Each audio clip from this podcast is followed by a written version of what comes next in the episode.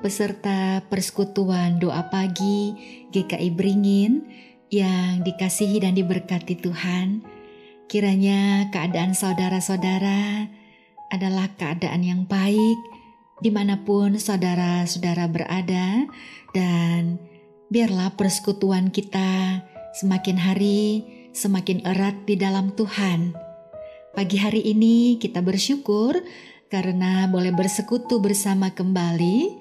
Biarlah Tuhan berkenan dan memberkati, dan dalam persekutuan ini, sebelum kita bersama membaca, merenungkan firman Tuhan, marilah kita merendahkan hati kita, diri kita, kita berdoa. Bapa, dengan penuh ucapan syukur, kami menyambut hari baru, berkat baru, bersyukur atas rahmatmu yang selalu lebih besar dan selalu baru dalam hidup kami, lebih besar dari segala murka. Allah yang begitu kreatif, Allah yang begitu luar biasa buat kami, yang mengatur segala yang terbaik sampai kami tidak menyadari, kami tidak memperhitungkan terlalu luar biasa karya Allah. Kami mau bersyukur untuk semua yang kami mengerti, yang belum mengerti, dan sulit mengerti. Kami mau bersyukur untuk keadaan kami. Kami mau percaya Tuhan selalu mengatur yang terbaik. Tuhan selalu memberi yang terbaik buat setiap kami. Bahkan setiap hari berkat yang baru untuk kami. Apakah yang kurang lagi? Apakah yang harus kami katakan lagi? Engkau baik Tuhan, Engkau sangat baik. Untuk selama-lamanya Engkau baik. Terimalah ucapan syukur kami. Dan biarlah pada pagi hari ini Engkau Bapa berkenan untuk bersabda bagi kami. Tiada lain yang kami rindukan kecuali sabdamu. Bersabdalah bagi kami, isilah hidup kami Bapa, hati, pikiran kami dengan sabda tidak ada ruang yang kosong, boleh terisi penuh dengan kebenaran firman, dengan perkataan, dengan sabda, dengan firman, dengan kuasa dan kehendak dan kasihmu Bapa. Kami terbuka dan membuka hati seluasnya, pikiran kami seluasnya bagi Engkau. Biarlah urapanmu turun atas kami, roh Allah yang kudus, roh Allah yang hidup, berkarya di dalam diri kami, di antara kami, di mana pun kami berada, kami diberkati pagi ini, kami diberkati dari sabda Tuhan, kami diberkati sepanjang hari ini, kami diberkati di hari-hari hidup kami. Kami berserah sepenuhnya dalam tanganmu. Mohon pengampunan atas dosa pelanggaran, kesalahan setiap kami. Kuduskanlah kami Bapa. Layakkan kami hidup dekat denganmu. Dan hari ini mulai lembar yang baru dengan penuh syukur dan dipenuhi dengan berkat dari firman. Di dalam nama Tuhan Yesus Kristus kami berdoa dan mengucap syukur. Amin. Saudara-saudara, firman Tuhan pada pagi hari ini akan kita perhatikan dari kitab Amsal 23 ayat 1 hingga ayat yang ketiga. Firman ini akan kita renungkan di bawah tema Sehat di dalam Kristus. Sehat di dalam Kristus. Amsal 23 ayat 1 hingga ayat yang ketiga. Beginilah firman Tuhan. Bila engkau duduk makan dengan seorang pembesar, perhatikanlah baik-baik apa yang ada di depanmu. Taruhlah sebuah pisau pada lehermu bila besar nafsumu. Jangan ingin akan makanannya yang lesat. Itu adalah hidangan yang menipu. Sampai demikian pembacaan firman Tuhan dan penekanan kita bersama pada saat ini untuk renungkan bersama di ayat yang kedua. Taruhlah sebuah pisau pada lehermu bila besar nafsumu. Wow, apa tuh ya? saudara saudara-saudara yang sangat dikasihi dan diberkati oleh Tuhan Mengapa banyak orang mengalami sakit penyakit? Mungkin kita mengira kalau itu adalah hukuman dari Tuhan. Padahal, saudara-saudara, belum tentu itu hukuman dari Tuhan. Bisa jadi kita kurang menjaga diri, kurang menjaga kesehatan, pola makan, pola tidur, pola kerja, pola hidup kita nggak benar. Bisa jadi juga sakit penyakit karena kita kurang mengontrol nafsu kita. Misalkan, misal nih ya, kita sakit hipertensi, darah tinggi, dan tidak bisa mengonsumsi garam yang banyak apalagi. Tapi kita makan makanan yang mengandung garam. Gak enak sih kalau nggak ada garamnya. Ya, saudara-saudara, gak enak ya. Dan kita makan yang ada garamnya. Malah tambahi garam tambah asin tambah enak. Cemilan yang asin-asin enak banget itu. Dan kita sakit. Itu bukan salah Tuhan kan? Tapi kita yang kurang memperhatikan kesehatan kita. Kalau minta maaf, kita bukan sakitnya hipertensi darting, darting bukan, bukan darah tinggi, uh, asam urat mungkin, atau diabetes. Mengapa? Mengapa kita sakit itu atau mungkin terkena ya. Ya semoga enggak ya. Tapi uh, ada virus gitu cobalah kita periksa diri. Mengapa kita sakit? Ya kalau kita udah berusaha jaga dengan baik itu lain persoalannya. Tapi yang pertama-tama kita mesti ngoreksi diri. Kita perlu memperhatikan makanan minuman yang kita konsumsi pola hidup kita pola makan kita Alkitab mengajarkan kita hidup sehat. Segala sesuatu yang melebihi batas tidak baik hasilnya. Dan hari ini menarik sekali kepada kita di dalam Amsal 23 ayat 2 yang menjadi penekanan kita pada saat ini. Kita diminta selektif di dalam mengkonsumsi uh, makanan dalam jumlah tertentu tidak secara berlebihan. Bahkan uh, untuk makanan lesat di depan kita, ya kita harus tahu motivasi apa sehingga itu dihidangkan. Wah sampai ke sana. Padahal kita kalau udah lihat makanan makanan aja orang kasih tulus apa enggak pokoknya kita makan aja. Saudara-saudaraku, penyakit apa pun pasti ada sebab dan akibatnya. Ya, juga banyak hal terjadi dalam hidup kita sih kurang peka, kita kurang hati-hati kadang-kadang gak mau tahu, gak berpikir dulu. Itu sih masalahnya. Misalkan nih ya, uh, kita pulang kerja kehujanan, ada dampak kan? Ya bisa kena demam. Itu wajar karena ada faktor yang mempengaruhinya.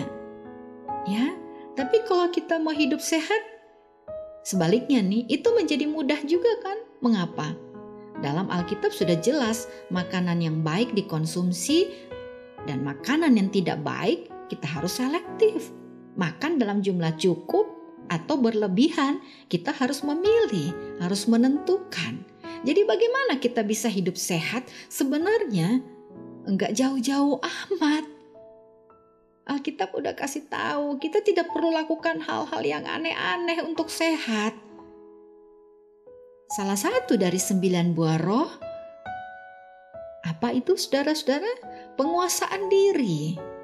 Ada dalam Galatia 5 ayat 23. Galatia 5 ayat 23. Penguasaan diri. Nah, yang paling sulit itu ya penguasaan diri. Penguasaan diri ini menyebabkan kita sehat.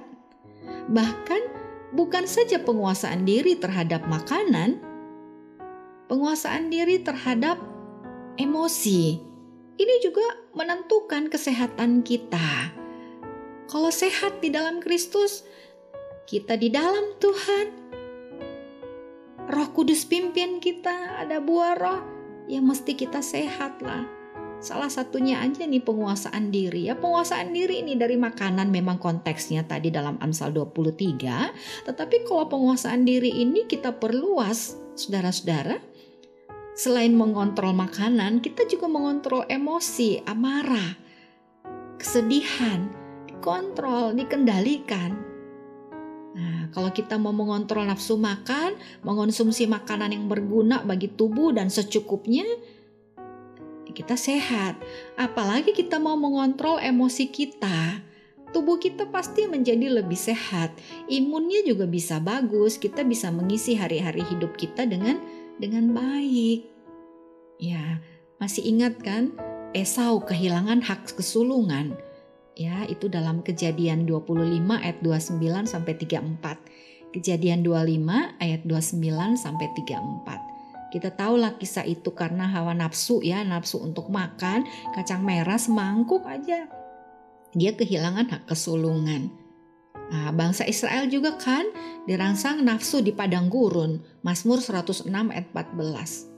Tapi orang yang bisa menguasai diri, yang berhikmat, yang takut akan Tuhan, mengalahkan godaan makanan, ya seperti Yesus Kristus dalam Matius 4 ayat 3 sampai 4 Matius 4 ayat 3 sampai 4 beda dong. Jadi perlu berhati-hati nih dengan menjaga uh, apa nafsu kita, amarah kita, juga keinginan belanja kita. Ini bisa buat sakit ya. Oh, masa belanja bisa buat sakit? Iyalah, kalau kita belanjanya berlebihan, abis itu puyeng bayarnya kan. Abis itu duitnya habis. Mau bagaimana? Lalu pikiran lalu sakit. Kalau kita nggak mau menguasai diri kita pengendalian diri pasti banyak kehancuran uh, terjadi di dalam kehidupan kita. Ya memang ini tidak mudah tapi kita nggak boleh saudara-saudara membiarkan uh, diri kita dengan keinginannya, dengan emosinya, dengan nafsu makannya. Harus bagaimanapun kita belajar menguasai diri kita, mengontrol kebiasaan makan kita, hidup kita, ketamakan, rakus, juga kemarahan, kata-kata yang gak baik menahan mulut kita dari gosip atau perselisihan, Yuk kita perhatikan ini semua bikin bikin sakit. Betul sekarang social distancing dan kita harus protokoler untuk uh, COVID-19, bersyukur untuk vaksin yang ada, tetapi semua itu pendukung terutamanya pada diri sendiri kan. Kalau kita bisa mengontrol diri kita, kita bisa lebih sehat, saudara-saudara.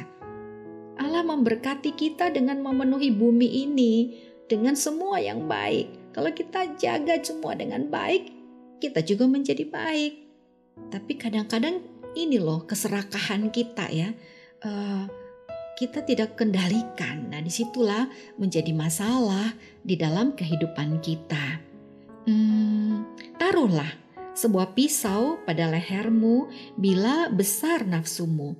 Maksudnya supaya kita itu terkontrol sampai taruh pisau di leher kalau sampai-sampai itu memang uh, bikin kita jadi celaka, bikin kita jadi sakit. Taruh pisau nih supaya kita ingat oh, untuk mengontrol diri kita. Katanya uh, kebanyakan orang tuh kalau belanja itu membeli karena emosi, bukan karena logika. Oh ya, emosi terus belanja enggak sih perasaan? Kita pikir mungkin kata kita begitu, sangat mengejutkan Kok belanja karena emosi bukan karena logika? Iya, katanya begini. Untuk membeli ternyata 80% itu dipengaruhi oleh emosi, sedangkan logikanya hanya 20% aja. Kalau tenaga penjual bisa menyentuh aspek emosi konsumen, maka dengan mudah dia akan membelanjakan uangnya untuk membeli barang yang diinginkan emosinya. Ini bisa dibuktikan secara medis. Wah, wah, ahli ilmu saraf bilang gini, perbedaan antara emosi dan alasan adalah emosi mengarah pada tindakan, sedangkan alasan mengarah pada kesimpulan. Saya ulang, emosi mengarah pada tindakan, cepat sekali ya kalau emosi itu langsung ada tindakan. Sedangkan alasan mengarah pada kesimpulan. Jika seseorang membeli dengan logika, maka dia butuh waktu yang panjang untuk menghitung, membandingkan, mempertimbangkan, lalu ambil kesimpulan. Pada kenyataannya, orang memutuskan membeli sesuatu tidak butuh waktu berjam-jam, bukan? Begitu pergi ke pusat perbelanjaan, masuk apalagi tanpa rencana belanja, tapi pulang bisa bawa satu troli penuh. Gue banget istilah anak muda. Banyak orang belanja karena emosi. Ada juga bahkan yang gila belanja, alami kecanduan, kecanduan belanja, tahap akut Nah, saudara-saudara, orang-orang berhenti belanja ketika uangnya sudah habis. Bahkan sampai kartu kreditnya mungkin plafon batas. Ya, bisa jadi loh ada begini luar biasa ya. Maka uh, ada istilah shop till you drop. Shop till you drop. Belanjalah uh, sampai habis-habisan. Oh, ya sampai drop ngeri sekali. Ya kita memang hidup di era konsumerisme, belanja bikin feeling good mungkin boleh-boleh aja, tapi mesti ekstra hati-hati sebab ada ribuan dan jutaan kali korbannya kalau tidak mengendalikan uh, emosi ya, emosi belanja, korbannya banyak. Kalau tidak mengendalikan emosi kemarahan, kebencian, emosi untuk apa nafsu untuk makan, kalau nggak dikendalikan, wah ini jutaan apa ribuan juta apa berapa nih korbannya? Yuk kita bersama-sama mau mengandalkan firman Tuhan ini. Kita mau sehat, sehat di dalam Kristus ya. Sehat di dalam Kristus yaitu kita mau mengendalikan diri kita. Semoga kita uh, mampu dalam pertolongan Tuhan. Kita perlu dekat dengan Tuhan supaya hadirat Allah ada dalam hidup kita, Roh Kudus berkarya sehingga kita bisa uh, menghasilkan buah Salah satu aja misalnya yaitu pengendalian diri dan kita menjadi sehat ya. Sehat uh, dalam arti sehat jasmani, sehat juga rohaninya, sehat juga keuangannya, sehat keluarganya, sehat dalam banyak hal. Marilah kita berdoa. Bapa Sorgawi, terima kasih kami diberkati dari sabda, sabda yang kekal, sabda yang tidak pernah ketinggalan zaman, tetap berlaku bahkan sangat berlaku semakin hari semakin penting dan benar-benar telah menuntun kami sabda yang telah berbicara lebih dahulu sebelum zaman kami pada hari ini. Terima kasih untuk sabda Seandainya kami rajin membaca Alkitab, seandainya kami mau taat pada firman, kami menjadi lebih sehat. Kami serahkan diri kami diatur olehmu dan kami mau belajar untuk sungguh-sungguh mengendalikan diri. Roh Kudus tolong kami. Kami berdoa untuk kami dan keluarga. Kami berdoa untuk orang-orang yang kami kasihi, orang-orang di sekitar kami juga. Berkatilah sekaliannya Bapa, semoga semua sehat sejahtera di dalam Engkau. Kami berdoa untuk gereja dengan segala pelayanannya. Tidak mudah tapi Engkau akan berkati setiap pelayanan sehingga ada hasilnya dan kekuatan datang daripadamu sehingga gereja terus bergairah di dalam pelayanan, tidak mundur tapi maju dalam kasih Tuhan. Kami juga berdoa supaya kami mau lebih giat, lebih fokus juga di dalam pelayanan, di dalam firman, di dalam mengasihi Engkau. Bapa tolong kami dan kami berdoa untuk semua bangsa, terutama Indonesia. Tuhan berkatilah Indonesia. Di dalam nama Bapa, Anak, dan Roh Kudus kami berdoa dan mengucap syukur. Amin.